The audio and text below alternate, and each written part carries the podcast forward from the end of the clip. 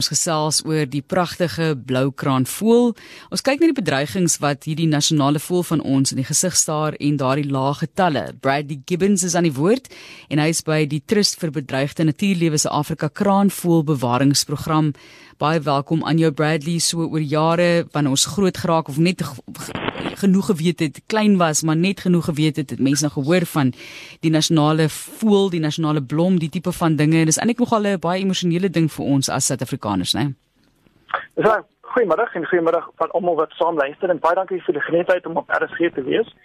Ek wil net sê ek het nie geweet daar's soveel liedjies vir voëls nie. So dit is baie lekker om saam te luister vandag.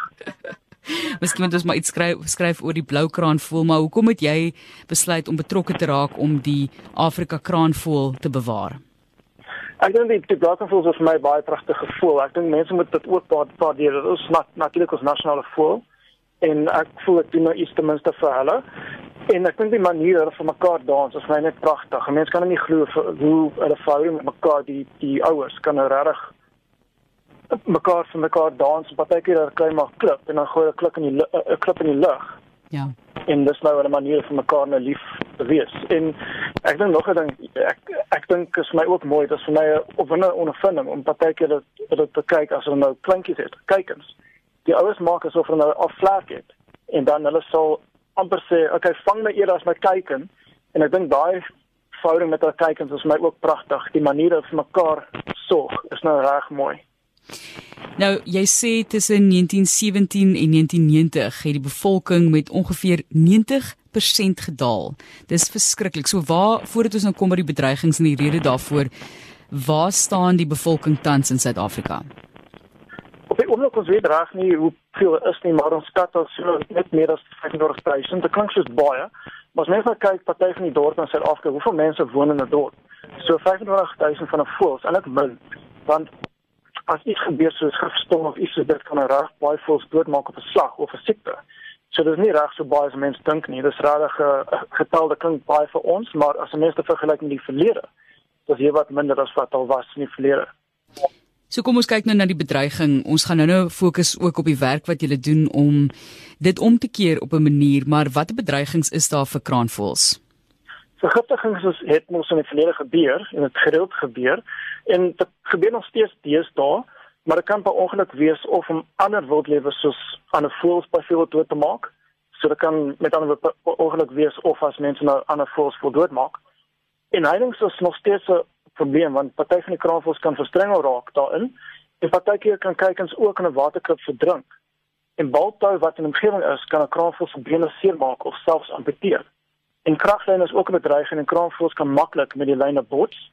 En partykeer word kraanvoëlkykens ook gevang om as troeldiere aangehou te word. Dit sou ook nogal interessant is om eens dink aan hierdie windplase. Kyk, ons almal wil graag sien dat daar op 'n groener manier, omgewingsvriendelike manier krag opgewek word, maar mense hoor baie keer dat voëls daardeur geaffekteer word. Is dit enigstens ook 'n probleem? Op die oomblik ons het nie genoeg navorsing daaroor, maar as mense vergelyk met ander bedreigings, as jy wat minder voels waarvan ons weet wat daar gebors het met die met daai windturbine. En dis nog steeds 'n ding wat ons gaan definitief in toekoms moniteer so soveel as moontlik. En ek vergelyk dit met ander soort bedreigings is op die oomblik is nie so groot as die ander bedreigings nie. So wat word gedoen om daai insidente te voorkom, Bradley? Ons praat nou juist van die kraglyne. Die kraglyne, ja, jammer. Ja, van die kraginsidente, ons het nou 'n vennootskap, die Trustbedryf Natuurwet vennootskap met Eskom. Dis om die kraglyne veiliger te maak vir die kraanvoëls en ander voëls, natuurlik die ander groot voëls pakke maklik met hulle met die lyne bots. En Eskom gebruik vlaggies of in Engels hulle sê flappers wat hulle vasmaak op die lyne en dis om hulle weer meer sigbaar te maak vir die voëls. En ek het nou klaar navorsing gedoen, dis definitief 'n uh, baie goeie ding en 'n groot dit het definitief 'n baie positiewe impak op die voëlpopulasie want dit dit maak dit meer sigbaar vir die voëls. Om as mens kyk like 'n kraanvoël se oë, as ons sien op die kant van die van die kop van die kraanvoëls. En as hulle nou hulle kan regtig daai daai lyn as hulle dit as hulle vlieg, hulle kan nie maklik daai lyn sien nie, maar met 'n flapper of die vlaggies, dit maak dit meer sigbaar omdat daai flappers beweeg met die wind of iets en dan hulle kan dan maklik sien, okay, daar is iets, daar's 'n lyn wat ek moet nou onder of of bo vlieg. Dit sal makliker wees vir my om veilig te wees vir as 'n kraanvoël. Kom ons gesels gou vinnig net oor die werk wat julle doen. Ek weet vinnig is nou 'n relatiewe term, is bietjie moeilik as jy kyk na hoe breedvoerig dit is wat julle op moet fokus, maar die Afrika Kraanvoël Bewaringsprogram en die Oeverberg Blou Kraanvoël groep om kraanvoëls te bewaar in daai verskillende kategorieë natuurlik. So, wat doen julle? Ek weet julle het nou julle is nou verbinding met owerhede by Eskom om die kragdrade byvoorbeeld meer veilig te maak, maar gee vir ons 'n idee van julle aktiwiteite elke dag is anders. Ek wil almal dink ek doen maar dieselfde ding elke dag, maar elke dag is 'n ander dag. In die Afrika Kraanvoël Bewaringsprogram is 'n vennootskap tussen die Trust vir Bedreig Natuurlewe en die International Crane Foundation. Ons werk in die Weskaap in die Grasveld Beem waarby die Drakensberg ingesluit is. En die Afrika Kraanvoël Bewaringsprogram help om Afrika se vier spesies te bewaar in Afrika. En ons kollegas in plekke soos Kenia en die ander drie spesies in Suid-Afrika is die Mahem, die Laagkraanvoël en die ander spesies in Afrika is die Black Crown Crane. En die Oorberg Kraanvoelweg uh, die Kraanvoel groep is 'n NGO wat saam met met ons werk om mense bewus te maak van hierdie groep populasie asook ander voëls wat in 'n omgewing voorkom. Ons is ook betrokke met met hulle met hulle navorsing en bewaring en onthou dat die grootste populasie in die wêreld en ons waardeer halt definitief. Wat is ook met die eintlik die dis nou net 'n idee gegee van wat ons maak as maar die aktiwiteite is nou anders elke dag. Ons besoek nou baie boere, plaaswerkers, hulle interlig van kraanvoëls in die land en in die wêreld wat 'n mens kan maak om dit te bewaar en wat die bedreigings is, hoe hulle ons kan help.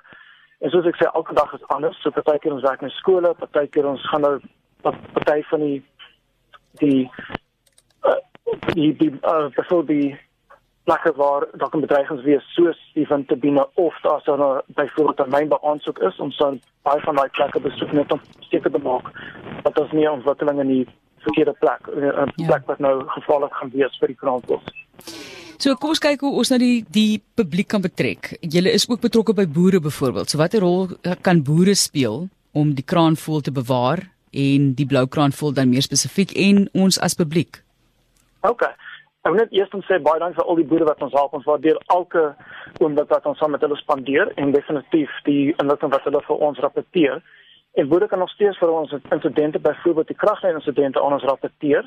Hulle kan ons ook kontak per e-pos en die e-posadres is wep@ewt.org.za of hulle kan die web app van die van die App Store download en dis die web incidents naam van daai app waar mense kan ook foto's deurstuur op die app.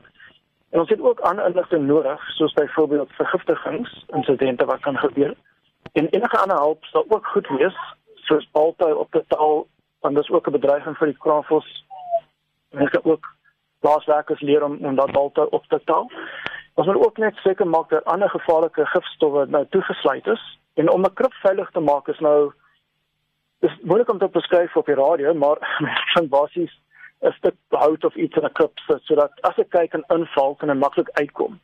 En die publiek, ek glo dit hulle help ons baie en hulle kan op die oomblik ons webbladsy besoek en dit is www.ewt.org.za dis vir die Endangered Wildlife Trust, die Trust vir Bedreigde. In International Crane Foundation is die savingcranes.org en die Overberg Crane Group is bluecrane.org.za baie maklike adres daai ene. So al ons kontakpersone is op die webblad, so asseblief besoek daai webblad, en onthou ons is ook dankbaar vir enige inligting wat 'n mens kan van stuur. Byvoorbeeld 'n broedpaar as hulle iets interessant doen stuur vir my of ons daai inligting. Ons sal regtig waardeer.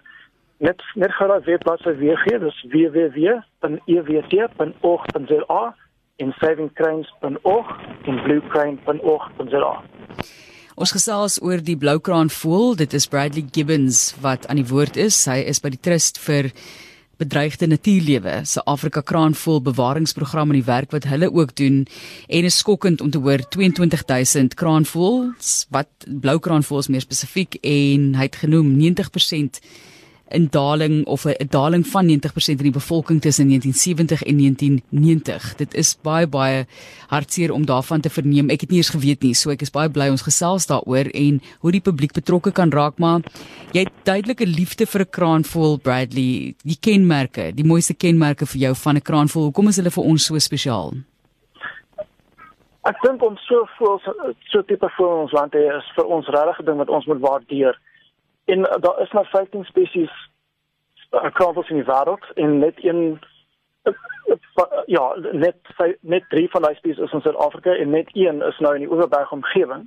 As jy daar kan voel natuurlik en ons ook onthou dat as ons nasionale voel, ons moet seker maak dat ons kan hierdie voëls vir die toekoms bewaar, dat ons kan vir ons kinders en kleinkinders wys hoe lyk hulle. En dis reg vir my net 'n ek is reg dankbaar ek kan met hulle werk. Dis reg baie mooi voel. En soos nou gesê van die die goed wat hulle vir mekaar doen en vir hulle kyk en so ek dink dis 'n ding wat ons mansmense en mense self kan iets uit daai storie leer. Baie mooi gestel. So ja, dat uh, die mans betrokke raak, né, of hoe? ja, so ons ons is doen vir vir kinders, ja. Ek wil ook net sê dat daar's ook 'n ding wat my ons presies soos ek is nou reg gekraam vir liefhebber is gewoonlik net 'n 'n klein 'n kleiniak as die Engelse woord daarvoor. 'n Mens waardeer as 'n mens 'n klein in die in die datie sien. Ek waardeer elke keer as ek hulle sien en ons helemaal ook in ons land en as ek nou verby kraanvoëls ry, ek sal altyd dit net waardeer dat ons hierdie voëls, hierdie soort voëls in ons land het. Dit is regtig voorreg vir ons. Ja. Want die ding is net ek dink jy mense weet altyd so baie van hierdie elemente in ons samelewing en die kultuur en die natuur is wat ons moet nie. So hopelik kan ons meer leer en veral dink ek tye wanneer mense nou baie by die huis moet spandeer met kinders. Ek dink in die Grendeltyd byvoorbeeld sal dit wonderlik wees om te gaan sit en meer te leer van die bloukraan voel. So is daar 'n plek wat jy vir mense kan uitwys waar hulle kan gaan om meer te leer? Ek wil net bietjie sê van ons het 'n sender projek waar ons nou senders op die bene gesit sien van wat definitief in in ringe ook op kraanvol bene. So hierdie projek wat ons nou vir jare doen met die byvoorbeeld die kleurringe. Is 'n mens as 'n mens ook daai kleurringe of bene kan vir ons rapporteer sal dit gaaf wees, maar vir die projekte self, kyk na ons webbladsy en dan ook op Facebook, dan ons sal party van daai projekte ook op die Facebook noem wat daar gebeur. Goed, op Facebook is meer inligting daarso beskikbaar. Ons sê vir jou baie baie dankie en dankie vir die werk wat jy doen en soos jy sê jy doen nie elke dag dieselfde ding nie. Dit is duidelik belangrik dat mense dit, ook uh, ontvang daardie inligting. Maar Bradley Gibbons baie dankie. Hou ons asseblief op hoogte van of hierdie projekte suksesvol is. So net voordat ek jou groet dalk vra hoe suksesvol is daai interaksie met owerhede om die bloukraan voel te beredder byvoorbeeld soos jy gesê het die die groot groot effek van kraglyne. Baie dankie, so sien maak en baie dankie vir die geleentheid om vandag saam met jou te praat. Wat jy baie. Goed, ons praat nie toekoms dan oor waar hulle vorder en is dit besig om te werk. Ons sê vir hom baie baie dankie.